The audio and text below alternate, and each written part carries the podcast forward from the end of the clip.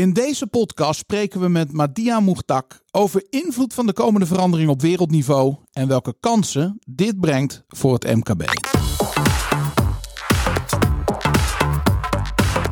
Roeland, welkom in de podcaststudio van Storybrand. Daar zijn we weer met een nieuwe aflevering. Ja, leuk Daan. We gaan van het ene interessante onderwerp naar het andere. We hebben twee weken geleden Danny Rietveld geïnterviewd van Content Amersfoort over lokaal ondernemen. Vandaag gaan we praten met Madia over iets op wereldniveau. Ja. Best bijzonder eigenlijk. Een hele andere tak van sport. Maar super belangrijk om die ook wel te begrijpen als ondernemer. Zeker, ja. Want er gebeurt wel veel in de wereld momenteel. Ja, de grote vraag is, wat voor impact heeft dat op jouw bedrijf? Ja, Misschien op hele korte termijn, maar ook op de langere termijn. ja, Ja, er, er is altijd innovatie, er is altijd ontwikkeling. En één ding weet je zeker, eh, het blijft nooit zoals het nu is. nee. Nou, wij spreken daar natuurlijk samen heel veel over. Ja. En we zijn ons denk ik ook wel redelijk bovengemiddeld bewust van welke veranderingen er eh, op dit moment gaande zijn. En wat dat voor eventuele impact heeft op onze klanten en op onszelf.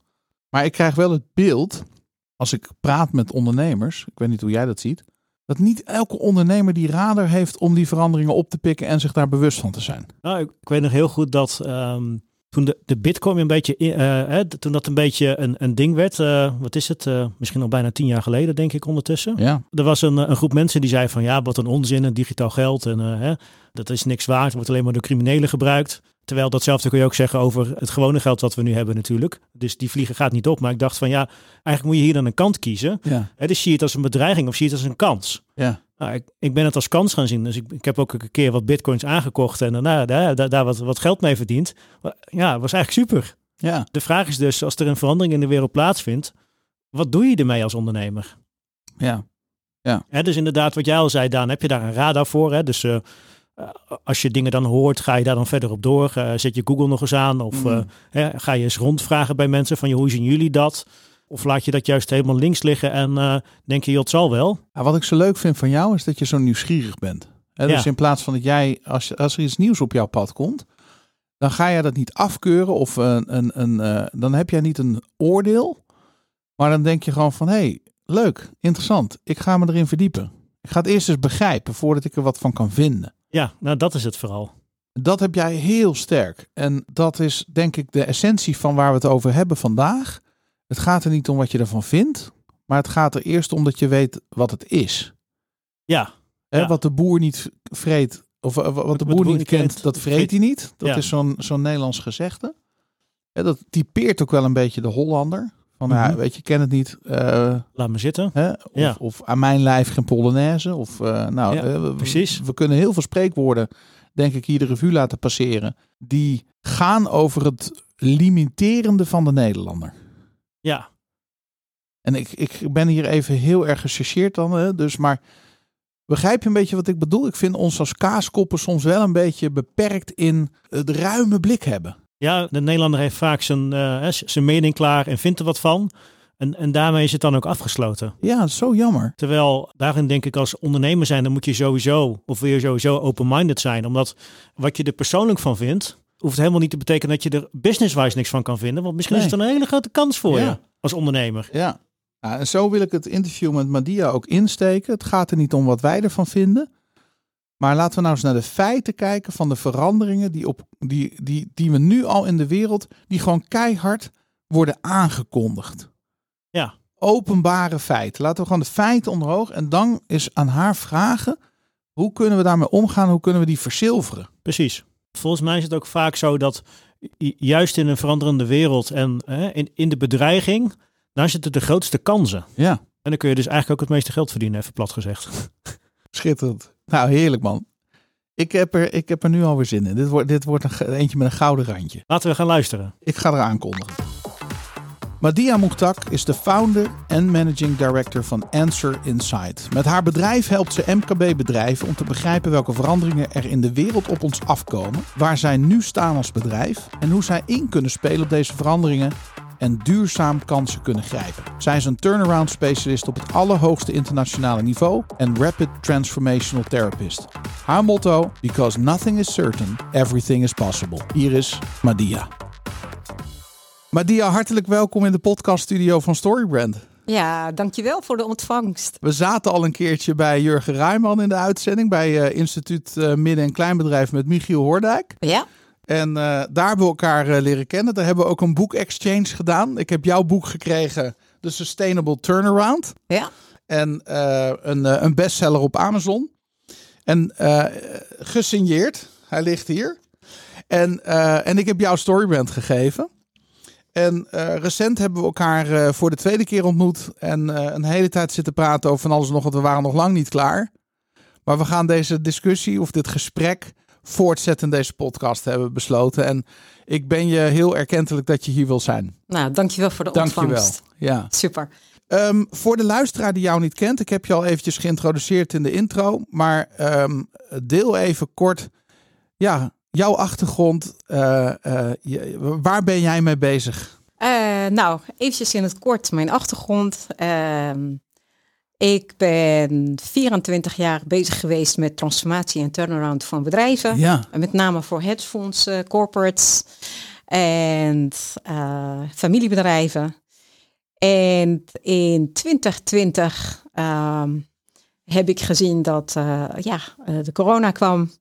En ik ging als natuurlijk als iedere turnaround persoon of uh, transformatiepersoon kijken van hoe wat is de impact hiervan op de wereld en Ja. wie wordt het meest geraakt en waar kan ik het meeste helpen. Ja, Ik had toen net een opdracht afgerond voor een uh, Londense uh, hedgefonds. Uh, nou, het bedrijf van 1,2 miljoen euro verlies naar 18 miljoen euro winst. Dus dan, uh, ja, dan heb je daarna een, een soort reward. En dan Ja. kon je eventjes uh, even rust nemen en bijkomen. En het gaf me ook de gelegenheid om te kijken van, goh, wat is de volgende stap die ik wil doen. ja, Uh, nou goed, ik heb gekeken naar wat gaande is met uh, corona. En ik heb gezien dat de midden- en kleinbedrijven enorm geraakt zullen worden. ja, Er zijn verwachtingen dat 50% van die bedrijven straks niet meer bestaan in heel Europa. Ja. Nou, laat staan de rest van de wereld die het minder heeft. En toen dacht ik van, goh, uh, wat ik kan doen nu is hetgene wat ik heb gedaan voor 24 jaar met succes. Dat zet ik op een boek. En dan ga ik uh, andere ondernemers laten zien hoe je in 12 maanden je bedrijf weer ja, uit de strop kan halen. En hoe je het weer kan laten groeien, je strategie ja. anders kan doen, et cetera. Uh, nou goed, uh, dan heb je het idee, dan praat je met een publisher in de UK, die uh, vindt het een goed idee. Daar ga je publiceren en dan denk je, ja, ik zit tussen 45.000 boeken in dezelfde categorie. En dan zeggen ze, ja, we moeten toch eventjes voor, voor bestseller gaan, Amazon bestseller. Dan denk ik, oké, okay, sure. en dan uh, ja, een weekje later wordt die Amazon bestseller. ja. Het boek ligt nu in uh, uh, 24 landen en in vijf continenten. Zelfs in Rusland en Taiwan en. Zuid-Amerika. Dus dat is wel leuk. En ja, en sinds zeg maar uh, alle onderzoek wat ik uh, aan het doen was Ja. over de small en medium enterprise, zie ik steeds meer. Hè, wat is de Mm. impact en wat kunnen ze doen? En ik heb gezegd, joh, ik ga niet meer terug naar de corporates en hedgefondsen. Dat, voor mij is dat een soort easy money. Je krijgt een, een opdracht, je gaat een bedrijf oppoetsen en dan over twaalf maanden is het weer winstgevend. Over twee jaar is het ja, drie keer zoveel waard als het jaar daarvoor. Uh, en dan wordt het verkocht. Ja. Het is een soort funny money. En ja. als je kijkt nu naar wat gebeurt zeg maar, bij de small en medium enterprise of midden- en kleinbedrijf. Ja, dat zijn gezinnen, dat zijn familiebedrijven die heel lang bestaan. Ja. dat zijn dromen van mensen die echt heel dichterbij zijn. Dus ik heb gezegd, joh, ik ga me richten op het supporten van de midden- en kleinbedrijf. Ik ga hetgene wat ik deed heel veel digitaliseren. Ja. En ik ga naar een model van één op meerdere. Ja. zodat ik zeg maar tegelijkertijd met 88 bedrijven kan werken. Fantastisch. Dus dat is, dat is het doel. En in de tussentijd geef ik dan masterclasses, lezingen, podcasts samen Ja. met... met leuke collega's in de markt. Ja. Uh, om zoveel waarde uh, te bieden aan Ja. de MKB. En ze ook gewoon te laten zien hoe gaat de wereld eruit zien. En hoe kun je anticiperen. Omdat als je niks doet, besta je straks niet meer. Nee. En dat is doodzonde. En wat wel indrukwekkend is, je noemt dat net even tussen de regels door. Uh, 50% van de bedrijven nu in Europa bestaan straks niet meer. Ja. Um, wanneer is straks? Uh, nou, Binnen nu en? Dus er is een, een plan uh, die wordt uitgerold, uh, die heet Agenda 2030. Dus Ja. dat is opgesteld en uh, geaccordeerd in de United Nations, Verenigde Naties, in 2015. En wat je nu ziet is dat het gaat nu zeg maar naar een hoge versnelling. Ja. Uh, dus de verwachting is dat tussen nu en 2030 gaan heel veel bedrijven die eigenlijk, ja, dus als ze niet een draai gaan maken, ja. Als ze niet meegaan in het programma, uh, zou je kunnen zeggen. Ja, dus ik zal zeggen, kijk, ehm, eh, ik zal een voorbeeld noemen, zodat je eh, ziet van sommige bedrijven, die kunnen wel die transitie maken naar de toekomst. Ja. Andere niet meer. Nee. Eh, er is een eh, tussendoor is er bekendgemaakt dat we met een vierde industriële revolutie te maken hebben. Ja. Met artificial intelligence, robotics, de Internet of Things, et cetera. Dat gaat nu heel versneld sinds de lockdowns. En dat heeft ook impact op de bestaande industrieën. Ja. Hè, dus eh, eh, stel voor eh, dat een bedrijf eh, callcenters heeft, Ja. heeft heel veel medewerkers in de callcenter. Ja. Nou, Google is nu bezig met een, een oh volgens mij Amazon is bezig met een callcenter applicatie. En dit is op basis van eh, ehm, eh, mensentaal, op basis van chatbots. Dan heb je straks geen mensen meer Nee. nodig. Nee. Dus de eerste die, die met zo'n propositie naar de markt komt, ja, die is de goedkoopste. Ja. En ja, een andere callcenter die mensen heeft, kan niet meer concurreren. Nee. En je, hebt, je ziet steeds de bedrijven die voorkennis hebben, die gaan sneller, Ja. doen de transitie. Ja. En de rest, die, die blijft gewoon achter. Ja.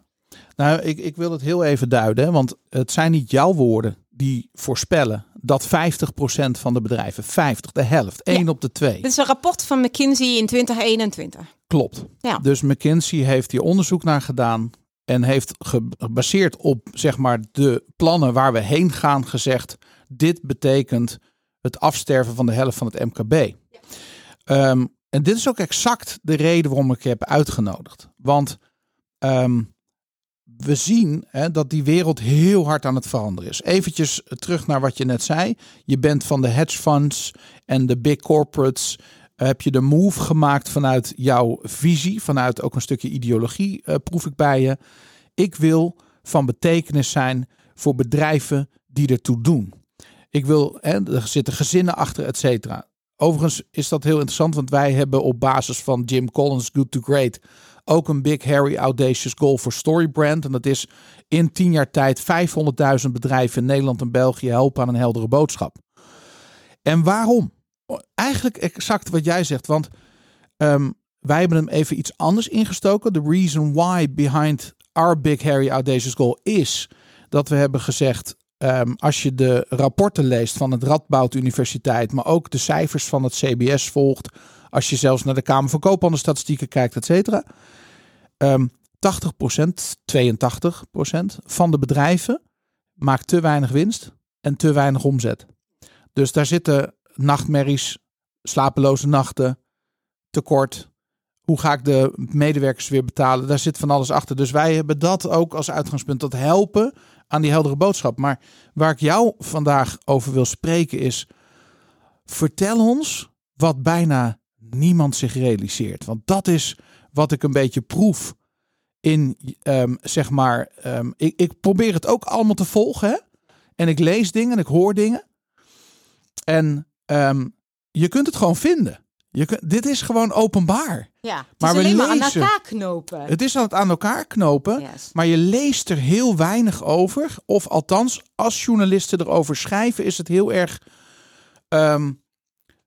aanschouwend over de feiten. Maar niet over de implicaties die het voor ons heeft als ondernemer. En we moeten voorbereid zijn. Klopt. Eens. Dus, dus wil je ons meenemen?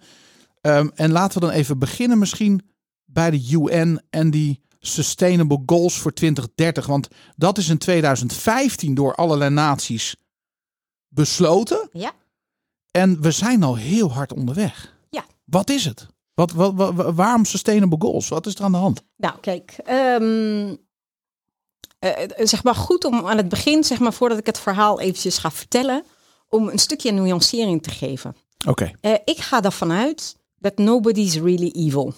Dat er Nee. gewoon mensen goede intenties hebben. Ja. En dat bij de United Nations in 2015 keken ze naar de wereld. Ze zagen heel veel armoede. Ze zagen heel veel, eh, ehm, hoe je dat, vervuiling eh, van de natuur. Rivieren waar zeg maar olie in wordt gedumpt. Waardoor mensen niet meer kunnen vissen, niet meer kunnen eten, niet meer kunnen wassen.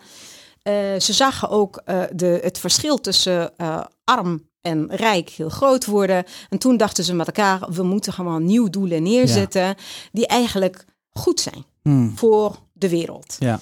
Zodat iedereen zeg maar mee kan doen. Ja. Nou, dus dat zijn die Sustainable Development Goals neergezet hè, Ja. vanuit duurzaamheid. En daar zitten gewoon hele mooie dingen in. Hè, dat eh, eh, iedereen heeft recht op educatie. Iedereen heeft recht op eh, groei van zijn bedrijf en Ja. winst. En iedereen heeft recht op voedsel en gezondheid. En echt prachtige dingen. Ja. Gebaseerd op, hè, want het zijn geloof ik 18 doelen, 17. 17 doelen. En, en 160 touchpoints. Hè. Er moeten op 160 doelen moeten er daardoor bereikt worden Ja. voor 2030. Gebaseerd op zes principes. Hè? Klopt. Ehm, en dat is eigenlijk, als je kijkt naar de ideologie, dat is fantastisch. Eh, niemand achterlaten. Eh, het moet inclusief zijn. Het moet goed zijn voor de wereld, voor de toekomst. Prachtig. Nou, dus dan, wat je dan hebt, is dat je hebt een ideologie die heel mooi is. Ja. eh, geaccordeerd door, zeg maar, eh, honderden landen. Volgens mij 180 hebben het uit, Ja, zoiets, zeg maar, getekend. Dan zijn een akkoord mee gegaan. En dan eh, ga je naar de volgende stap. ja, implementatie. Implementatie, inderdaad. Dus het is gecommuniceerd aan de landen. Eh, Nederland was ook gewoon akkoord. En ze zijn vanaf 2015 zijn dat te het implementeren. Het wordt niet hardop geroepen, maar ze hebben gewoon KPI's. Hmm. Waarover ze moeten rapporteren ieder jaar. Ehm, dan heb je op een gegeven moment, eh, waar wordt dit ook besproken, eh, is in de World Economic Forum. En daar komen de staatshoofden, daar komen de big corporates, de CEO's van die grote corporates, de beïnvloeders. Eh, en die kijken allemaal mee en ze denken, hé, hey, daar kan ik gewoon ja, gebruik van maken. Dus Ja. wat ze doen is dat, joh, als de wereld daarheen gaat, dan ga ik alvast een sprintje trekken. En dan ben ik gewoon, zoals ze dat plat zeggen, de kippen bij. Ja. En dan, je ziet het nu. Dus ik was afgelopen, eh, volgens mij twee weken geleden, was ik bij de Arena. Eh, en eh, in Amsterdam. Ja. Ja, de Johan Cruijff, hoe heet het tegenwoordig eigenlijk? Johan Cruijff Arena. Ja, hè? Ja, klopt. De naam veranderd. Fantastisch. De CIO en de CEO hebben een presentatie gehouden over de innovatie, wat ze aan het doen zijn. En ze begonnen met de Sustainable Development Goals van 2015. En je zag dat ze een transitie hebben gemaakt naar groen, naar digitaal.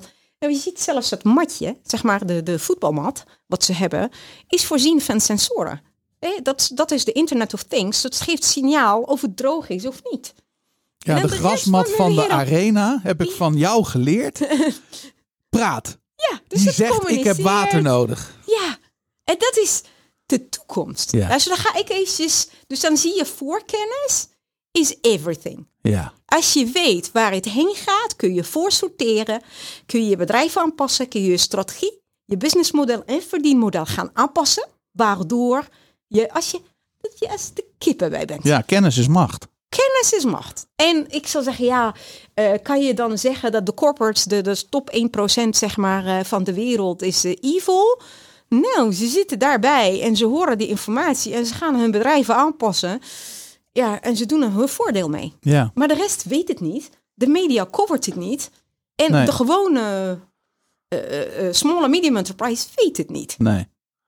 Dus, en dat vind ik gewoon zonde. En dat betekent dat wij als eigenlijk kennisagents steeds zeg maar de informatie moeten eh, eh, combineren. Ja. En dat ook kunnen communiceren aan de mensen van oké, dit is wat het betekent. En dit is wat je ermee moet doen. Ja. En we gaan vooral niet heel lang wachten. Omdat Nee. dan ben je te laat. Je moet het kunnen duiden. Dat klopt. Het is niet, nou, we'll cross that bridge when we get there. Je, je moet nu al Ja. anticiperen op de toekomst. Ja, Wordt steeds belangrijker, want het gaat steeds sneller. Klopt, helemaal. Dus eigenlijk na 2015 zijn er een paar dingen gebeurd. Dus ik ga ze nu eventjes benoemen. Ja. Dus wat je hebt is dat er is een boek uitgekomen die heet The Fourth Industrial Revolution. De, Ja. de vierde industriële revolutie. En ik ben er pas zelf over gestruikeld in 2019.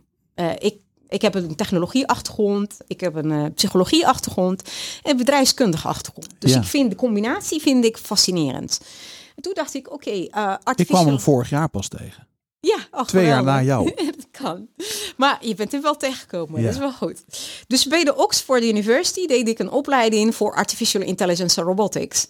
En een van de dingen die eruit kwamen was de World Economic Forum en een filmpje over de Fourth Industrial Revolution. Ja. En daarna gingen we gewoon met de docenten van de Oxford University uitweiden over hoe gaat het eruit zien straks met AI. Ja. En ja, dat is fascinerend. Dus als je kijkt bijvoorbeeld eh, eh, gezichtsherkenning, wat je allemaal daarmee kan doen voor marketing.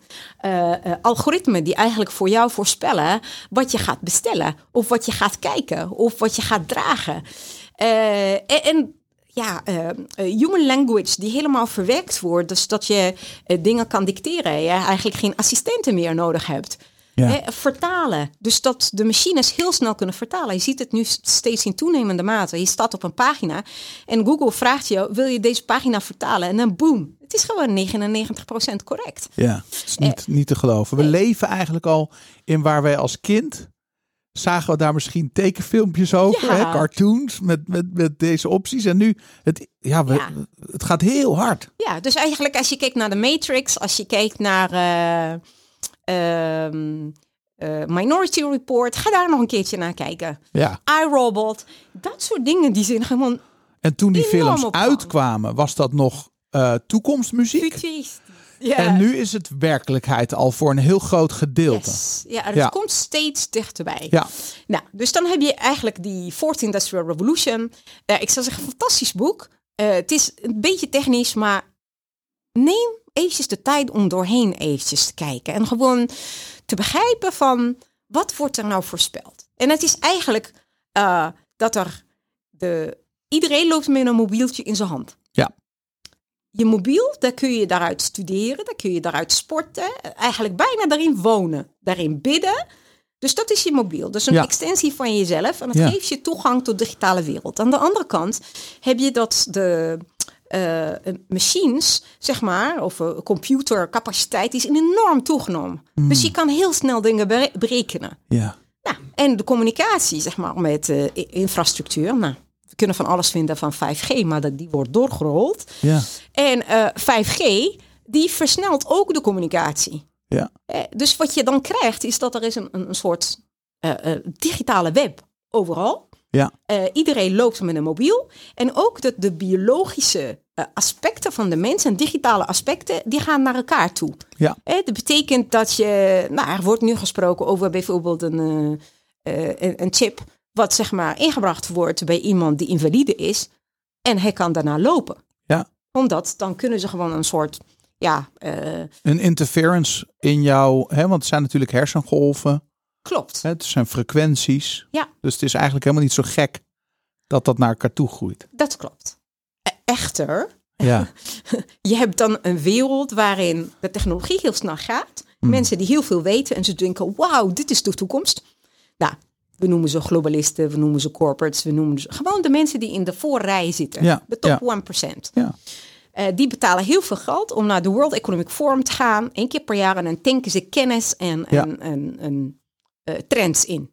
Ja. Dan gaan ze terug naar hun bedrijf en dan gaan ze gewoon hun bedrijf molden om gewoon voor te sorteren. In Davos, Zwitserland is dat Yes. opgericht in de jaren 70 volgens mij door Klaus Schwab, hè, professor Da- Klaus Schwab. Ja. En eh, ja, een belangrijk, een belangrijk podium voor heel veel mensen om inderdaad die kennis te halen.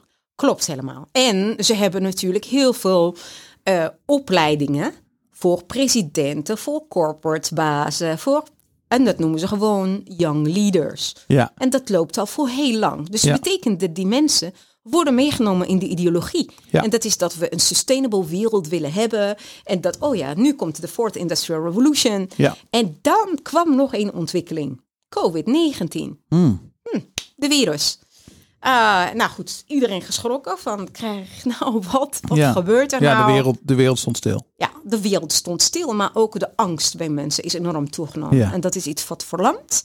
En dan heb je, eh, toen kwam een boek, ook van de World Economic Forum, en die heet COVID-19, The Great Reset. Ja. Nou, en die vertelt eigenlijk, dit is het moment om de wereld te gaan resetten. Ja. Omdat die window of opportunity wat we hebben is heel klein. En we kunnen eigenlijk de Sustainable Development Goals nu versneld doorvoeren Ja, door het gebruiken van de vierde industriële revolutie. Ja. Dus dan komen alle lijntjes bij elkaar. ja, En dan wat je had is dat ja, eh, COVID, eh, dat is een grote dreiging voor alle landen.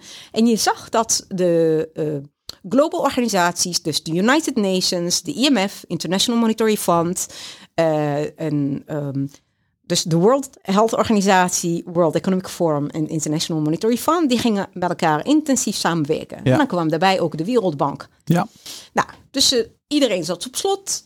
Eh, mensen die hadden geen inkomen meer. Dus er werd gewoon geleend en geleend en geleend. Triljoenen. ja. En Ja, het geld wat is bijgedrukt is echt astronomisch. ja, maar er is ook heel veel geleend Ja, aan landen. Ja. Vanuit de IMF. ja, Dus je hebt special drawing rights, noemen ze dat. Dus dan, afhankelijk van de grootte van eh, je inkomen als land, heb je het recht om leningen Ja. eh, te nemen. En als je die niet gebruikt, dan kun je ze doorpassen naar iemand anders en dan krijg je eh, lokaal valuta van de ander. Dus een Ah. beetje een soort monopolie ja, geld.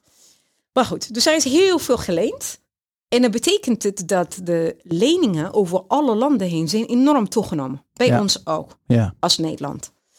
Eh, nou eh, goed, eh, onze regering zegt we hebben het niet te gortig gemaakt. Dus het, het kan nog extremer. Je kan Ja. boven de 100% gaan. Nou, wij zitten volgens mij tussen de 60 en 80%. Dus dat is een Ja. best oké. Vergeleken met andere landen valt dat mee.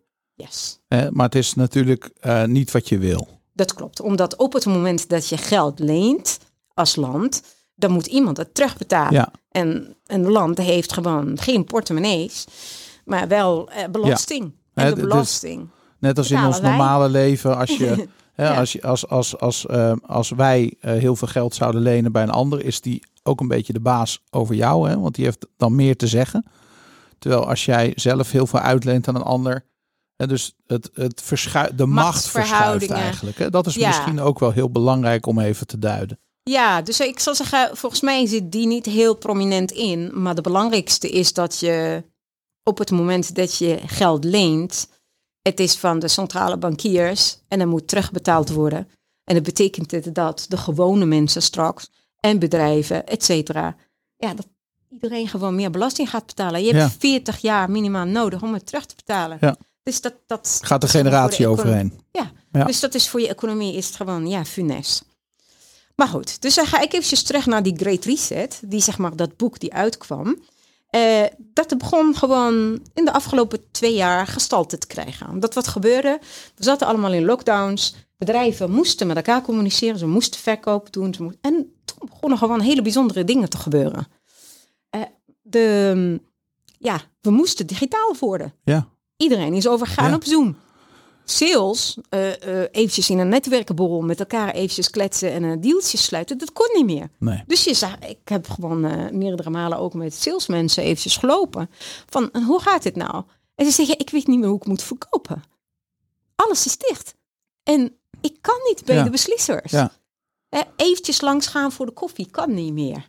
Dus iedereen is ontregeld, gestrest geraakt Ja, in de angst gekomen, omdat hetgene wat je voorheen deed om je inkomen te genereren is heel anders geworden. Ja. En dat geldt ook voor de MKB. Ja. Hè, ehm, en wat je zag is dat die vierde industriële revolutie, dus ik zit eh, bijvoorbeeld, dus een, een- denk ik wel een belangrijk dingetje om te zeggen, ik zit in de ehm, raad van advies van de Artificial Intelligence Forum. Eh, dus Global Artificial Intelligence Forum. En dan volg ik ook van wat gebeurt er nou aan investeringen op dit Hmm. moment? Waar wordt geld? Ja, echt enorm. Dus heel veel geld gaat naar AI, naar machine learning, naar robotics. Ehm, en wat je ziet is dat als je pitches ook van eh, de EU bijvoorbeeld ziet, waar eh, jonge ondernemers naartoe komen om te laten zien van wat ze hebben uh, bedacht. En dan zie je bijvoorbeeld dat, dat er is een robot uh, die werkt in de landbouw. En ja, die kijkt zeg maar met uh, recognition zeg maar, kijkt hij gewoon of de crop of de, de, de oogst zeg maar klaar is. En dan kan die millimeter nauwkeurig zeggen, ik ga hier prikken en dan neem ik een bloemkool eruit. Ja. En het gaat 24-7. Ja. Dat betekent dat er gewoon allerlei innovaties nu komen die ook iets doen met de mensheid. Nou, de voorspelling van de World Economic Forum is dat door de artificial intelligence uh, die op dit moment uitgerold wordt en de digitalisering, dus advanced digitization, heb je ook weer 50% van de banen, de oude, die bestaan niet meer. Nee. En dat betekent dat de mensen een transitie moeten gaan maken naar de digitale wereld. Die Ja. moeten omgeschoold worden. Nou, heel interessant. Dus dan heb je aan de ene kant heb je de lockdowns, die, zijn, eh, eh, die hebben iedereen naar de, eigenlijk naar de vierde industriële revolutie eventjes gepusht. En hebben ze dat versneld. Het is twee jaar volgehouden. Dus dat betekent, ja, er is een punt bereikt van no return. Ja. Eh, je kan niet zeggen nu tegen alle medewerkers: Goh, zullen we eventjes vijf dagen per week eventjes van Nee. het kantoor werken? Ja, de mensen die denken van ben je helemaal gek geworden? Het kan ook, ook zo. ja, het beviel me uitstekend. Ja, dus ik, ik spreek ook mensen die bij corporates werken en die moeten echt soebatten met Ja. hun medewerkers om één dag op kantoor te komen werken. Dus er is iets, er is iets gebeurd. Ja. Hè? Mentaal ook, zo'n mentale shift. Goed, dit, is, eh, dit zijn de grote verschuivingen. Dus dan eh, recapitulerend, de Sustainable Development Goals. Dan heb je de vierde industriële revolutie. Dan heb je COVID en de Great Reset is erbij gekomen. En dan zie je gewoon wanneer wordt iets geadopteerd door de landen. En voornamelijk in Europa. Op het moment dat het naar de G7 gaat. Nou, dat heeft plaatsgevonden in 2021. Die supporten natuurlijk eh, de Ja. digitalisering Ja. en de groene agenda en inclusiviteit. Ga je verder in de tijd? Nou, G8 hebben we niet meer, omdat Rusland zat erin. Dus Ja. die is persona non grata. En dan ga je naar de G20. Dus die hebben ook ehm, ja, de plannen eigenlijk bekeken en. En toen ging het balletje verder rollen. Dan kwam het in de EU. Ja. De EU heeft een plan gemaakt en dat heet de Next Generation EU. Ja. Next Generation EU heeft een budget van maar liefst 800 miljard euro. Ja, en voordat je hierop verder gaat, Yes. eventjes, je deed al een hele mooie recap. Als aanvulling erop, Madia. Mhm. Ehm, voor de luisteraar vind ik het heel belangrijk om het op te merken Mhm. dat alles wat wij hier vandaag delen is openbaar. 100 Hè, want ehm, de plannen van de, eh, de, de UN, de, de Verenigde Naties, eh, hun sustainable goals, alles staat op hun website. Ja. De eh, World Economic Forum is heel open. Hè? Ik bedoel, Klaus 100%. Schwab heeft eh, denk ik al die twee boeken geschreven. En ook op hun website, nou, daar staat zoveel informatie op over deze plannen. Ja. De Great Reset is letterlijk genoemd ook, hè, meerdere keren door staatshoofden. Dus het wordt helemaal volledig omarmd. Ja. En ehm, ja, dat is denk ik belangrijk. Ook de Next Generation EU. We kunnen wel zeggen, ja, ik ben niet, ik heb niks met Europa, ik ben gewoon een Hollander. Hè? ja. Maar ehm, we, je kunt niet meer zeggen, want je bent onderdeel geworden. Hè? We zijn allemaal als burger hier ook een onderdeel van. Dus Klopt. en dat is ook waarom we het erover willen hebben. En dan met name gericht op ondernemers. Zorg dat je dit weet. Want hier zitten ook opportunities. 100% En daar is belang. En, en daar komen we nu op, denk ik. Hè? Want Yes. je zegt dat de EU daar 800 miljard. Wat, wat houdt dat in? Ja, dus eh, goed, ze hebben dus een plan gemaakt. Ja, En het plan is gericht op een aantal zaken. Hè, dus dan, eh, we gaan een digitale transformatie doen. ja, We gaan een groene transitie doen. Eh, de wereld moet inclusief worden. Inclusief is ook in termen van gender. Dus je begint ook daar hele bijzondere dingen te zien. Op scholen, in reclames, in et cetera. Dus dat iedereen is gelijk. Eh, goed, we kunnen van alles van vinden, maar it is what it is. Dus dat, dan ga je gewoon dat soort zaken steeds meer zien. Ehm, en wat je ziet in de eh, Next Generation EU is dat het een plan tot 2027. En het wordt doorgerold en dat alle landen, dus inclusief Nederland, die hebben daarvoor ingetekend. En er- dat geld, die 800 miljard, die wordt opgehaald vanuit de landen, Ja, ook vanuit Nederland. ook vanuit Nederland, big time. Wij zijn een grote speler in de EU. En het wordt ook opgehaald uit de financiële markt, dus extern gefinancierd. En dan worden natuurlijk ook investeringen gemaakt in de chip-industrie, et cetera. Dus de plan van de EU is om een van de grootste spelers te worden op het gebied van chip-industrie. Eh, dus ja, en eh 400 miljard uit mijn hoofd gaat naar subsidies en funding. En een deel daarvan gaat naar de MKB. Ja. En de vraag is, hè, hoe kun je erbij komen? Ja, Dat is een, eh, een, een, een hele mooie vraag. Dus we zijn bezig met partners om te kijken van, goh, wie werkt al met de EU? En hoe kunnen we zorgen dat de MKB ook eventjes in beeld komt? Ik heb met een adviseur daarover gesproken. Die zit in Santa Monica in de US en Ja. in, in Spanje. Eh, en zijn antwoord was: eh, ik maak gewoon met mijn team constant voorstellen die naar de EU gaan. Er komen calls, dus dan zeggen ze van de- deze gaat nu open.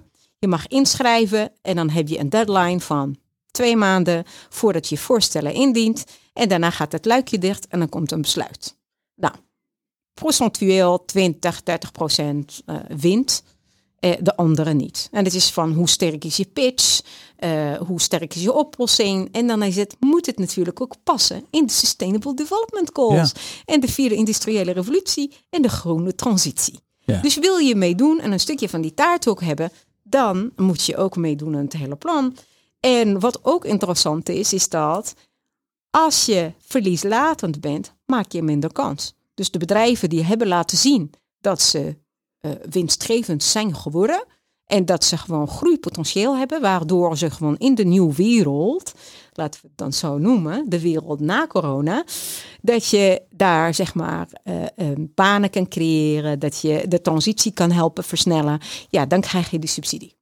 Dus dat is heel interessant om te zien. ja,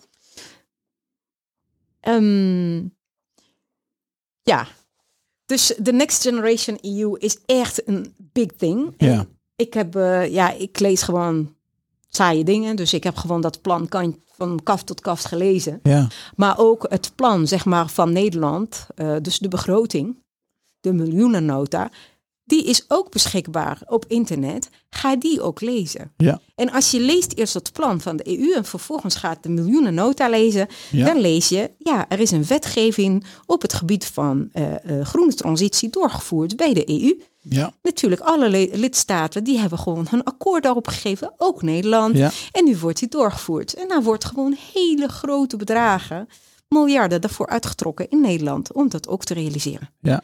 Dus eh, ja, als je gaat kijken van hoe. Nou, hier komt, de, de, ehm, hier komt het verleden bij het heden. Ja. Hier komt niet het verleden bij de toekomst. Tuurlijk, hè, die ligt daarna. Mhm. Maar wat ik wil zeggen is dit. 2015 is verleden. Maar daar zijn dingen besloten. Ja. We leven nu in 2022 en wat je nu net beschrijft, dat potje met geld, de kansen voor het MKB, de verwachtingen van het MKB, daar kun je nu al iets mee doen. Ja. Wat is jouw boodschap aan mij als ondernemer? Wat, wat, hè, dus ehm, als een ondernemer nu naar je toe komt, zeg maar, die ja, oké, eh, ik heb de podcast geluisterd. Mhm. Ehm, en op jouw advies ben ik die websites gaan bekijken en ik heb die dingen bestudeerd. Ja. En nu? Wat moet ik hiermee doen? Ja. Wat zijn de next steps? Kijk, de next steps is dat je gewoon komt in een, een turnaround model, zeg maar. Hè? Dat is een, er is iets gebeurd in de markt of is aan het gebeuren. Dat gaat impact hebben op je strategie. Eh, misschien heb je die staan of niet. Misschien doe je gewoon een bepaalde activiteit en voeg je waarde toe. Maar als de wereld verandert, kan je gewoon, zoals ze dat zeggen in het Engels, obsolet worden. Ja. Dus word je eigenlijk overbodig. En dan is het handig om te gaan kijken, kijkend naar wat nu aan het gebeuren is, doe ik eventjes een impactanalyse voor mijn bedrijf. Wat gaat er veranderen? En dan de volgende stap is, hoe verdien ik nu mijn geld? Ga ik het ook in de toekomst zo verdienen of moet ik dingen veranderen aan mijn, bed- mijn bedrijfsmodel? Hè, stel voor, Eh, ik ne- noem een voorbeeld van callcenters. Ja. Ik heb een callcenter. En eh, nou goed, eh, ik zie dat eh, artificiële intelligentie en human language wordt verwerkt. En hoe meer chatbots die worden gerealiseerd en worden overal uitgerold. Ik heb medewerkers. En dan straks gaan we richting robotisation. Als ik op dezelfde voet blijf, word ik steeds duurder en duurder. En dan kan ik niet competeren en besta ik niet meer. Nee. Dan noem ik een ander voorbeeld. Dat is uit de kledingindustrie. De kledingindustrie moet ook circulair worden en sustainable. Ik hoor nu al van eh, eh, eh, ondernemers die samen met mij zitten in de Founders Carbon Network, waar zeg maar de top 500 van ondernemers ook zitten, is dat ze krijgen van corporates nu een, een, een order hè, van ik wil zoveel maatpakken maken voor mijn salesmensen. En dan worden vragen gesteld, net als bij een aanbesteding, hoe sustainable ben je? Ja. Nou, en hoe circulair zijn de spullen die je gebruikt? En Ja. op het moment dat je zegt nee, ja, dan krijg je 50% van de bestelling en je hebt een kans tot volgend jaar om het anders te doen. Ja. Daar ga je. Je Ja. omzet vliegt zo uit het raam. Ja. Nou, en dit zijn maar voorbeelden en we gaan meer daarvan zien. Het versnelt. Ja. Het versnelt. En ja, eh, natuurlijk, je spreekt ook andere ondernemers. Dus ik ben helemaal niet mee eens met wat er aan het gebeuren is. Ja, good. Leuk. Dat Ga kan. lekker in een Ja. hoekje zitten en kijk Ah, het maar het is goed dat je dat zegt, hè, want eh, dit is ook niet, hè, daarom eh, zei ik net ook van joh, dit zijn de feiten. Ja, Deze podcast gaat niet over wat wij ervan vinden. nee. Dit gaat over hoe het is. Ja. En hoe het gaat worden. En, en ehm, ja, dit is hoe het er nu uitziet en hoe het er nu voor staat. En het lijkt erop alsof dit gewoon uitgerold gaat worden. En eh, niet te stoppen is. Ja, Ja. dat, dan, dan heb je twee dingen. Ik kan zeggen inderdaad, ik ben het er niet mee eens. Of ik vind er wat van. Of ik heb er een andere wereldvisie op. Ja, Helemaal goed. Maar ehm, eh, als ondernemer moeten we gewoon heel erg met de feiten ook dealen. klopt, klopt. En natuurlijk, hè, kijk, je, je hoeft niet klakkeloos alles te doen. Nee. Dat vind ik ook. Eh, je hebt altijd de power zelf. Ja. Eh, Je bent gewoon beslisser over je Ja. eigen geld en over je eigen middelen, over je eigen bedrijf, over je strategie, et cetera. Ja. Ik vind dat ieder van ons moet teruggaan naar waarvoor besta ik als mens? Wat is toegevoegde waarde wat ik probeer te leveren? Ja. En als je, als je het niet alleen maar voor het geld doet en je doet het voor iets groters, eh, dan gaat dit jou echt drijven om gewoon iets beters van te maken in de wereld. Ja. Hè, dus dan kan je bijvoorbeeld wel zelfs, als je niet mee eens bent, dan zou je met de Sustainable Development Goals, dan vind je bijvoorbeeld hè, eh, goede dingen dat je denkt, nou, Ja. dat voeg ik echt toe in de wereld. Ja. Nou, stel voor, dat is stap 1. Dus bij ons bijvoorbeeld, en voor mij en mijn team, Ja. eh, wij willen zorgen dat bedrijven gewoon rendabel blijven en Ja. economische groei kunnen realiseren. Dat is Ja. een doel. Ja. En de tweede is, we willen gewoon eh, kwaliteitseducatie bieden aan bestuurders en ondernemers, zodat ze weten hoe ze hun bedrijven kunnen transformeren en hoe ze gewoon kunnen zorgen Precies. dat hun mensen met hun meegaan in die transformaties. Ja. Omdat stilstand nu betekent gewoon je bestaat straks niet meer. Exact. Eh, dus je kan dus naar die doelen kijken en kijken van, goh, wat sluit bij mij aan? Wat wil ik echt betekenen in de wereld? Trek dat naar je toe. Ja. En begin gewoon iets bij te dragen vanuit hetgene wat, waar je in gelooft. Ja. Natuurlijk, als, als de hele wereld, net als met elektriciteit vroeger, eh, of bijvoorbeeld met eh, steam engines, Ja. eh, ja, je kan op je ezel of op je paardje blijven zitten. Ja. En de rest, het gaat gewoon met motorvoertuigen. Dat hebben wij ook niet gedaan. Nee. Dus dan zeggen we, ja, verdorie, ik heb ook een auto nodig. Of Ja. een vrachtwagen Ja. of whatever. Ik moet net zo snel gaan als de rest. Ja. Eh, eh, toen de computers kwamen, ja, we gingen ook niet gewoon alles met de hand schrijven. We gingen ook over. Ja. En dit is weer hetzelfde wat nu aan het gebeuren is. Alleen maar door corona en alles wat gaande is, is dat enorm geladen. Ja. En dat natuurlijk een soort scheiding van de mensen die willen blijven in de oude wereld, mensen die willen de nieuwe wereld. En het clasht met elkaar. En Ja. ook gebrek aan informatievoorziening. Ja, dat maakt mensen argwanend. Ja. Door twee jaar corona zit iedereen, nou niet iedereen, zitten heel veel mensen We hebben heel veel tijd gehad om na te denken. Ja, ja, maar ook zit ook een bepaalde angst, zo'n Ja, latente dat is ook angst zo. bij mensen. Ja. Hè, van eh, een van de vragen wat ik krijg, gaat corona nu terugkomen? Ja, ik zou zeggen van als je alleen maar kijkt naar Nederland, dat ziet er allemaal rooskleurig uit. Maar kijk nu gewoon steeds meer naar een, de wereld. En kijk naar wat er gebeurt nu in de geopolitiek. Als je kijkt nu naar China, Shanghai, die hebben een irreversible lockdown gekregen. Mensen zijn op slot gegaan en ze weten niet wanneer ze eruit komen. Nee. En ze zijn bezig met massale testen voor iedereen. Nou moet je je voorstellen, China, iedereen. Dat is veel. Ja. Dus ehm, gaat corona terugkomen? Nou, we zien nu een beetje langzaam in de kranten dat eh, wanneer de herfst komt, kun je wel verwachten dat er weer gesproken wordt over vaccinaties. Ja. En nu schiet ja, als je het mij zou vragen, hebben we nog voor het einde van dit jaar een nieuwe en misschien wel twee lockdowns. Dat, dat zou mij niet verbazen als ik naar de wereld kijk. Ik, eh, ik sluit het niet uit. Nee. Hè, eh, en zeg maar, wat gebeurt is dat als je gaat kijken naar China, dan kijk je naar Australië, dan kijk je naar de UK, kijk je naar de US. Die gebeuren, de dingen die daar gebeuren, gebeuren allemaal voordat ze gewoon in Europa komen. Dan komt Europa. Ja. De rest van de Europese landen, dan in Nederland. Wij zijn de, het land die wordt gezien als de meest eh, eigenwijze volk van Nederland, of van, eh, van Europa Ja. en van de wereld. Wij willen polderen. Ja. En wij vinden iets vin- van vinden. Ja. En eh, dus er wordt wel rekening mee gehouden. Dat is wel heel grappig. Ja. Maar goed, dus wat je ziet is dat die dreiging van lockdowns blijft. Eh, je kan in de angsten blijven en je kan zeggen van nou, misschien is het nu allemaal over en we gaan terug naar norma het oude normaal. Die is er echt niet meer. En als je gaat kijken naar de World Economic Forum en samenwerkingen met de EU, et cetera, en met andere global organisaties, ze zijn bezig met 15 gebieden zijn ze aan het transformeren. Dat zijn onder andere health, technologie, eh, productie, consumptie, media, steden, groen, eh, future van investments, future of money.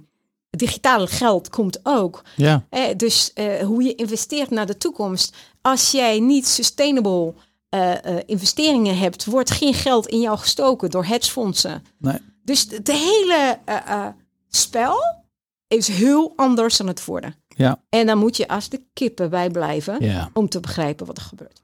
Hoe help jij bedrijven om dat te doen? Ik denk twee dingen, hè, als ik zo vrij mag zijn. Maar corrigeer me als ik het verkeerd zeg. of vul me aan. Eén is kennis. Dus door jouw speeches, door jouw trainingen, door eh, alles wat je te bieden hebt aan kennis. En twee is volgens mij ook voor dat eh, eh, kans maken op de potjes geld. Hè. Weten Ja. en, en de strategie van de turnaround eigenlijk. Hè. Dat, dat, dat, dat zijn ze denk ik. Hè? Ja, dat klopt. Dus eigenlijk wat, wat ik zeg maar als initiatief heb gestart, is dat ik geef masterclasses gratis als onderne aan ondernemers. Ja. Eh, dat doe ik zeg maar op basis van aanmeldingen op de woensdagavond om 8 uur 's avonds. Ja. Eh, dus daar heb ik een landingpage voor gemaakt. Ik zal het met jou delen. ja, die zetten we in de show notes. Helemaal goed. Ja. Dus mochten mensen hè, zeggen van, goh, ik wil meer hierover weten en ook een stukje impact voor mezelf bepalen, dat ze Ja. gewoon dat kunnen bijwonen. Het is kosteloos. Ja. Eh, daarna hebben we zeg maar een heel laagdrempelig, eh, wat we noemen strategie deep dives gemaakt. Ja. En dat is voor een groot deel gedigitaliseerd. Dus dan heb ik allemaal sheets gemaakt. Eh, in plaats van een hele dure consultant in te huren voor een maand. Om voor jou een diagnose te maken van je bedrijf. En eh, met jou te kijken naar de strategie en dergelijke en trends. En te bepalen wat zijn je vervolgstappen. Kun je gewoon in drie uur, middels een sheet en een lezing. Kun je samen met mij kijken van goh, eh, wat betekent dit voor mijn bedrijf? Ja. En wat wordt de volgende stap? Zo. En hoe moet ik dat doen? Ja. Er zijn bedrijven die zeggen, nou, ik wil niet in een groep zitten met 40 mensen. Ik wil het gewoon in mijn bedrijf hebben. Eh, dus eh, volgens mij Ook een, mogelijk, een ja. van jouw cliënten heeft van mij ook, eh, ook gevraagd. Ja. Dus we gaan die sessie doen bij hen in huis. Ja. En dan is het eigenlijk van, in plaats van in de angst te blijven zitten, van oh, het verandert en ik weet niet, et cetera. Dus dan is het gewoon, je krijgt alle trends en alles wat bekend is, Superkrachtig. krijg je gewoon eh, gedeeld. Ja. En daarna ga je eigenlijk, heb je een diagnose wat je gratis ook voor je bedrijf kan doen. Om te kijken van, goh, waar stokt het in mijn bedrijf nu na twee jaar corona? Dan krijg je een rapport toegestuurd per e-mail, ook gratis. En wat een van de belangrijke dingen wat je ook krijgt, is een mindset test. Ja. En die mindset test, eh, dat is ook een digitale survey. Die kun je ook doen en krijg je ook een rapport terug. Cool. Hè, omdat eh, wat ik zag steeds met 24 jaar transformaties en turnaround en scale-ups en transities, is dat als je het wint in je hoofd, win je het buiten ook. Heerlijk, en ja. wij zijn eh, samen fan hè, van Bob Proctor. Ja. Dus daar hebben we het ook wel eens over gehad. Ja. Eh, eh, Bob Proctor, eh, helaas eh, overleden inmiddels. De meneer was 84 geworden. Hij zei, you create your own economy. Ja. Eh, maar dan moet je uitstappen uit je angst, de terror barrier. En dan moet je eigenlijk nastreven, eh, zeg maar, om te realiseren wat, waar je voor hier bent, zeg maar, Ja. als mens. Omdat Ja. iedere van ons heeft een doel, een missie, heeft hij voor een reden gekregen. En dat is het oplossen van een probleem in de wereld. En op het moment dat je dat nastreeft, the good will align with you. Ja. Zoals Bob Proctor ook zegt. Ja. En echt waar fascinerend hoe het gebeurt. En Ja. Ik kan een voorbeeld noemen hè, van eh, denken van hoe ga ik toegevoegde waarde leveren in de wereld. Ik ga een boek schrijven en het interesseert me niet. Dat boek ga ik gratis geven aan bedrijven. Dus daar ben ik ook nu mee bezig. En, eh, en, en dan word je Amazon bestseller. Dus ik denk, hoe dan? Weet je wel? Ja. Eh, Logisch is het niet als je de aantallen Nee. boeken ziet in dezelfde categorie. Ja. Dus ik geloof enorm ja. dat als je teruggaat naar Het je is van binnen naar buiten. 100%. Altijd. Yes. Ja. En eh, ik eventjes, ik ga nog een keertje eh, Bob Proctor eh quoten. Ik heb met hem hele leuke opleiding gedaan, dus ik ben gefascineerd door hetgene wat hij vertelde altijd. Eh, wat hij zei is dat eh, onze onderbewust is steeds open eh, naar alles wat we horen in de media, Hmm. naar de ontwikkelingen, et cetera. En wat er gebeurt is dat je, ja, je absorbeert dat allemaal. En dan zit je met een stukje angst en het belemmert je. Dus advies is ook, switch off de tv. Ja. Stop met tv te kijken. Ja, 100 Je, je kan niet creatief zijn als je alleen maar blijft consumeren. Consume less, produce more. Ja. En ga uit van hetgene waarvoor je hier bent. Wat is je missie? Ga kijken naar buiten. Past hetgene wat je in het verleden deed niet meer, dan betekent het dat je moet bijstellen. Ik noem Ja. het fix, reset, accelerate. Ja. En die cyclus van fix, reset en accelerate, dat wordt een wieltje die je gewoon vaker moet gaan doen tot 2030. Ja. Omdat het blijft veranderen. Kijk, de beleidsbepalers die weten ook niet hoe het eruit ziet. Ze hebben een stip op de horizon. Zo gaat het ongeveer eruit zien. En er komen nu steeds meer filmpjes van oké, wij denken dat het zo eruit ziet. Maar als je gaat kijken naar wie daadwerkelijk eh vorm geeft aan, maatschappij en, aan de maatschappij en aan de Zijn nog wereld, steeds wij. dat zijn de MKB'ers. Ja. Waarom? Die hebben een hoge eh, eh, actieradius. Die Ja. kunnen heel snel bewegen ten opzichte van corporates. Ja, de speedboot versus de olietanker. 100 procent. Ja.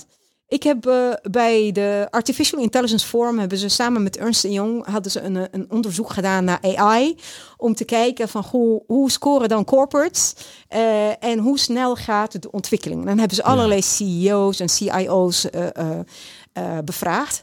En wat je zag is dat ze zitten gewoon in een early stage met het bepalen van hun plannen. Ze krijgen de organisatie niet mee.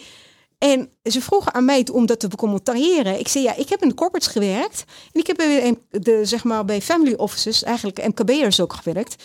En wat ik weet, is dat de, de, de corporates zijn enorm stroperig. Ja. En willen ze innovatie drijven, dan moeten ze MKB'ers kopen. Ja. Dus MKB'ers, je hebt een mega kans. Als je maar weet waar je heen moet bewegen, dat je ziet de kansen. En ieder ondernemer, ja, die, die grijpt de kansen constant. Zo is het. Het is gewoon go for it. Maak die transitie. Ja. We noemen het digitaal en groen. Ja, be it. Nou, weet je wat het is? Wat jij nu net zegt, hè? dat is weer zo'n onderschat onderwerp, de mindset. Ja, Hè, want het is zo makkelijk om daarvan te zeggen van ja, dat ken ik al, dat weet ik al. ja. Maar dat is waar je het verschil maakt. In je 100%. hoofd. Hè, want wat jij net aangeeft ook is, je ziet angst verlamt altijd. Het, 100%. alle creativiteit gaat weg. Het, op celniveau in ons lichaam. eh, je, kunt, je kunt zeg maar een cellen onder de microscoop leggen. Ja. Als ze vol met angst zijn, zijn ze gesloten. Ja. En als ze openstaan, hè, dan is het omdat er vertrouwen is. Dus letterlijk op celniveau werkt ons lijf al zo. Laat staan ons mind. ja. Laat staan wat we kunnen produceren. Dus ik ben, eh, dank je wel dat je dat nog even zo er doorheen rapt. Heerlijk. Fijn. Ja, ik zal maar zeggen, Dia is het preachen. oh, sorry. ja, heerlijk. Dus ik zal zeggen misschien één klein puntje Ja. over die mindset. Ik Ja. heb eh, met eh, een van de beste therapeuten ter wereld gestudeerd. Ze heet Marissa Peer. En die heeft een methode bedacht die heet Rapid Transformational Therapy. En dat werkt op basis van hypnose. Nou, ik, uh, ik was uh, toen CEO bij een grote hedgefonds. En ik ging en mijn vakantie is ook gewoon naar lezingen gaan in het buitenland. En, ja. eh, gewoon uh, kijken wat gebeurt er in de wereld. Ja. Wat houdt het in en hoe kan ik zeg maar de volgende stap ook maken. En ik heb dus Marissa Pier meegemaakt in, uh, in Spanje, in Barcelona. Uh, zij was zeg maar een van de sprekers en de andere was Wim Hof, de Iceman. Ja, heerlijk. Uh, en uh, de ene die vertelde eigenlijk, dus Marissa Pier, van hoe haal je eigenlijk de oude garbage, uh, de oude troep wat in je onderbewust zit en die wordt getriggerd door stress, door angst, et cetera, en die jou belemmert. En de, de Iceman die zei, how to become a superhuman. Mm. Nou, dus ik had toen ingetekend en ik ben naartoe gegaan. En wat ik heb geleerd toen van Marissa Peer, ja. is dat je op het moment dat je wakker bent, ja. dan heb je vaak dat je gewoon op automatisch piloot gaat. Ja. Uh, uh, je doet ook bepaalde dingen dat je denkt, hè, waarom heb ik dat nou in godsnaam gedaan? ja. dat, en, en, ja. en, mensen om je heen ook. Ja. En dan als je in je flow zit, dan gaat dit lekker. Maar op het moment dat er gewoon onvoorspelbare dingen komen, Ja. dan zit je in je limbic brain. Ja. En dan doe je gekke dingen. En dat stukje programma, hè, wat draait Ja. in de automatische piloot, dat is Mm. gewoon wat je hebt geleerd van je ouders, Ja. eh, wat je hebt geleerd van je leraren, van partners, van kinderen, whatever. En dat zit allemaal opgeslagen in je systeem. Ja. Nou goed, ik, heb, eh, ik vond echt dat super fascinerend. Ik was Ja. naar haar aan het eind van de dag gegaan en ik heb gezegd, I wanna be doing what you are doing. En toen heb ik bij haar ingeschreven, eh, paar jaar later, ik ben ook Rapid Transformational Therapist en Ja. dat gebruik ik ook met ondernemers. Ja, en het is ook nodig, want als je het hebt over die turnaround, die begint altijd in je hoofd. In je mind. Oh, 100 procent. Een, een voorbeeld van een, eh, een, een- iemand uit mijn netwerk, eh, die kwam naar mij toe. Ze zei, joh, eh, mijn broer die heeft een business in, eh, in Afrika. In of all places, Mozambique. Denk ik, ik dacht ik focus lekker op Europa. Heb ik gewoon een ondernemer in Mozambique. Nou, die had eh, met zijn maat hadden ze eh, wat ruzie gehad. Eh, ze hebben het bedrijf gesplitst. Opeens had hij schulden naar zijn maat. Nou, dat was, was gewoon in de coronatijd ook lockdowns. totale mes. En hij werd ook bedreigd voor zijn deur. Dus Mozambique is niet heel veilig. Dus hij had ook mensen die gewoon voor de deur stonden om hem af te wachten. Dus die meneer die zat echt on the edge of Ja, burn-out. zo. Nou, we hebben een maand met elkaar gewerkt. Hij was weer helemaal de oude. En heeft technieken geleerd om ook te zorgen dat hij in zijn center blijft. Ja. En focused en positief. En, en dat moet je eiken met deze wereld. Ochtends, 's avonds. Geen televisie, Nee. geen troep. Eh, omdat nieuws is altijd verleden tijd. Je Ja. ziet het, het is van gisteren. En het is altijd slecht nieuws, want dat verkoopt. Altijd. Sensatie. Ja. Nou, dus dat betekent, selecteer eventjes wat je je brein eh, toelaat en binnenlaat. Ja. Eh, ga meer lezen, lees over ontwikkelingen en dergelijke. Voed je systeem met dingen die jou gaan verder brengen. Ja. Nou, dat hebben we gedaan. En eh, nou, we werken nu samen een jaartje. Dus dat is, eh, we zijn gaan eerst van een intensieve maand samenwerken naar één keer in de maand en daarna één keer in de twee maanden.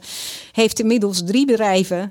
Eh, hij is eh, in de agriculture gegaan. Hij zit in wholesale. Eh, hij maakt nu eigen producten in het buitenland. Dan importeert ze. En hij Heerlijk. maakt winst. En eh, wat typisch is, is dat de rest van de wereld die zegt... Verdorie, wat een slechte economie. Hij zegt, dat valt mee. Ja, ja, ja, ja. ja. En, en dat is... eh it depends how you look at it. Ja. Eh, dus Ja. eh, verander hoe je naar de dingen kijkt. Dan En de dingen waar je naar kijkt, veranderen. gaan veranderen. Ja. Klopt helemaal. Maar die, ik wil als laatste vraag, die stel ik aan iedere ehm, eh, gast in deze podcast. Welk boek heb je recent gelezen of ben je aan het lezen die jou geïnspireerd heeft en die je wilt delen met de luisteraar? Hmm. Ja, de selectie van de boeken. Eh, ja, ik heb. eh, ik ben bezig met een, eh, nog met een, een traject bij Bob Proctor. Hij is overleden, met zijn ja. instituut bestaat nog.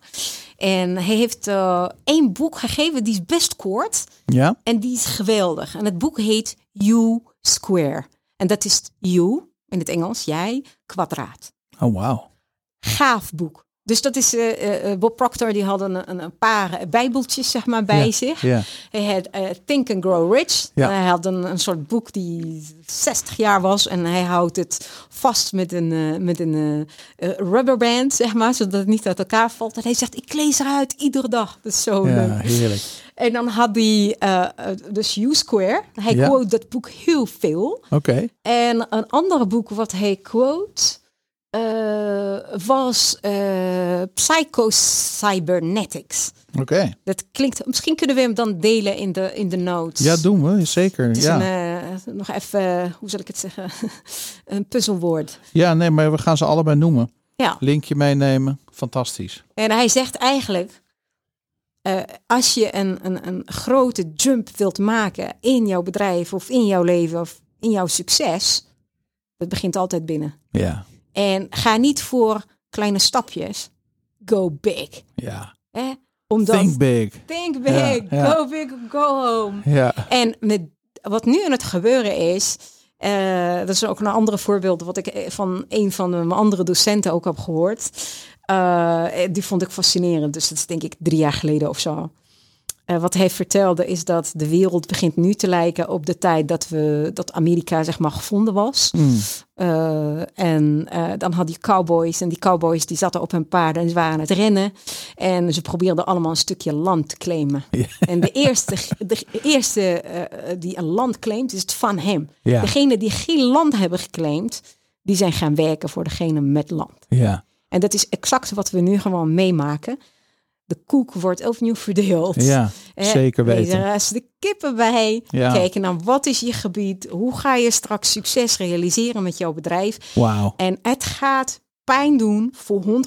Je ziet die groene transitie, digitale transitie, et cetera. Als je de slimme dingen doet en dat je ook niet uitgaat van ik moet alles zelf financieren, maar dat je eh, alles wat ik nodig heb, heeft iemand anders ook. Ja. Eh, dus dan ga ik zoeken en ga ik samenwerken. Dan kom je een heel eind. Ja. En ik geloof enorm in de MKB. En Ja. dat zij sneller Ja. bij eh, het einddoel kunnen komen. Zij hebben de toekomst. Yes, dan corporates. Gaaf.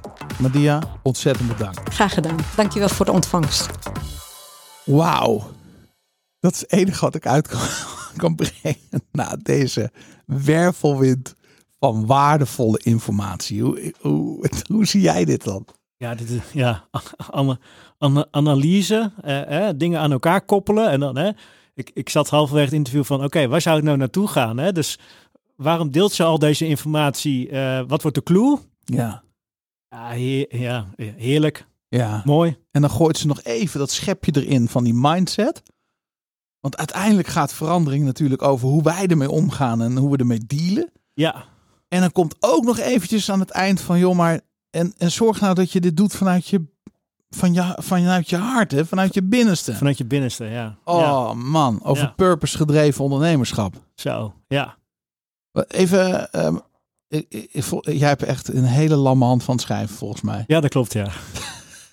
Vertel, neem ons even mee in wat jouw inzichten zijn. Ja, fa- fascinerend als je zo nieuwsgierig bent naar de wereld. Hè? Dus als je al die verschillende elementen ehm, afzonderlijk gaat bekijken en ze dan in een bepaalde volgorde gaat zetten Ja. om, om, ze eh, van betekenis te laten zijn. Mm. Hè? Eh, En, en, en dan vervolgens, ja, wat doe je daar dan mee? Ja. Hè, dat er dus blijkbaar een hele grote pot met geld beschikbaar is waar je als ondernemer gebruik van kan maken. Waarschijnlijk weet je het niet eens. Nee. Nee, en niet alleen die pot geld, maar ook de veranderingen die er aan gaan komen. En als je weet welke veranderingen er zijn, ja, wat betekent dat voor mijn business? Precies. Ja, En wat kan ik ermee? ja, heeft het impact op mijn business? Dus blijf, blijft mijn business bestaan? Ja. Hè? Of moet ik iets radicaal even anders gaan doen? Ja. En, en dan zijn eigenlijk hè, op, op, zo'n analyse en dan, hè, ik, ik had, zat geloof ik drie of vier vragen. Dan zijn die vragen weer eigenlijk dood eenvoudig, maar daarmee wel superkrachtig. Ja. Nou, ik zie wel een hoop bedrijven die eh, op die eh, eh, trein stappen van vergroening. Hè? Wij, wij hebben bijvoorbeeld nu ook geregeld dat onze ehm, eh, workshops ehm, CO2-neutraal worden. Hè, dus wij, wij, wij doen daar aan mee. Ehm, Ik denk dat het ook goed is hè, dat, we, dat we met z'n allen goed voor de natuur zorgen. Maar ik denk dat, dat, dat het nog veel verder gaat. Die digitale transformatie die eraan zit te komen op allerlei niveaus. En die artificial intelligence. Dat zijn volgens mij een paar van die dingen die op onze bedrijven heel veel invloed gaan hebben. Ja, ja hè, ehm, als je ziet hoeveel data er wordt verzameld bij bedrijven, hè, dan hè, data uh, op zich vertelt niet zoveel. Maar als je er nee. belachelijk veel van hebt en je kan er dingen uithalen of algoritmes op zetten, ja. dan wordt het ineens super waardevol. Ja. Ja. want het is al eigenlijk normaal geworden om te betalen met je data online. Ja. Dat, dat maakt niet zoveel meer uit. Maar dat is uiteindelijk de kracht die erachter zit natuurlijk. Ja. Ik heb wel eens gehoord, ik weet even niet meer van wie, die, die gaf ook aan van dat er, um, ik dacht een, een website was. En dan kon je dan als je een, uh, um, als je ergens last van had, dan kon je dat daar beschrijven. En dan kreeg je antwoorden. Die antwoorden gingen door een, een database heen. En dan kwam er waarschijnlijk uit wat, of, of je ziek was en wat het dan precies inhield. Daarna ging je pas naar de dokter. En omdat dat gebeurde, werd die database steeds waardevoller hè, en die kreeg steeds meer data. Dus in het begin hadden de dokters natuurlijk altijd gelijk. Maar na een tijdje was er zoveel data, was het zo uh, gefine-tuned, dat uh, die, die, ene vraag neerzetten, ja, er kwam eigenlijk al uit wat het, wat het moest zijn. En die werd uiteindelijk accurater dan de dokter zelf. Zo, zo. En dat is, dat is ook de, de, de, de kracht van data ja. voor je laten werken. Ja, heerlijk. Dus we krijgen straks een mijnstorybrand.nl versie 3.0. En dan praat je tegen de computer. Dan geef je antwoorden. En de machine die gaat jou vertellen hoe je brandscript moet zijn. Ja, bijvoorbeeld, ja. En je hebt toch, ik, ik, ik, weet niet wie dat, wie dat zegt, hè, dat uh, ja, ze noemden ook uh, een, een, een, aantal films. Hè, vooral bij de Matrix. Um, maar alle dingen die je ziet in de Matrix, hè, die zijn dan zeg maar, uh, iemand heeft een bepaalde gedachte en die wordt dan in een film wordt die werkelijkheid, bijvoorbeeld met de tablet, was dat geloof ik. Ja. dat wordt dan ook allemaal werkelijkheid. Hè, omdat het dan, er is dan een gezicht, oh, er is een voorbeeld van gemaakt, dus zo gaan ja. mensen dat zien. Dus dan wordt dat het ook. Ja. Heel bijzonder. Ja, vind, ja. Nou, dit, dit, dit, is, dit is een uitzending die gaat wel wat losmaken, verwacht ik. Denk dus het ook. We zetten ja. gewoon alles in de show notes. En um, uh, ja, echt heel waardevol. Heel dankbaar dat zij de moeite neemt in haar drukke agenda om naar Leusden te komen. In de podcaststudio te zijn. En dit te delen met ons uh, steeds groeiende uh, publiek. En ik wil ook de luisteraar, jou als luisteraar even oproepen. Luister jij naar deze podcast en vind je het waardevol? Geef ons dan even een review op jouw favoriete podcastplatform. Dat zorgt er namelijk voor dat andere ondernemers deze podcast makkelijker kunnen vinden. Dat kan heel simpel door bijvoorbeeld sterretjes te geven op uh, uh, de, de, het Apple-platform van de podcasts. Uh, Google, er zijn eindeloos veel mogelijkheden. Ik zou je echt enorm dankbaar zijn als je even twee minuten uit je kostbare tijd neemt om ons een review achter te laten. Zeggen wat je van de podcast vindt. Of het op zijn minst even te delen op je social media of te appen naar een ondernemer die je kent. Want ons bestand aan luisteraars groeit steeds meer. En daardoor kunnen we ook steeds interessantere gasten uitnodigen. Dankjewel. Roland, tot uh, volgende week. Tot volgende week, Daan.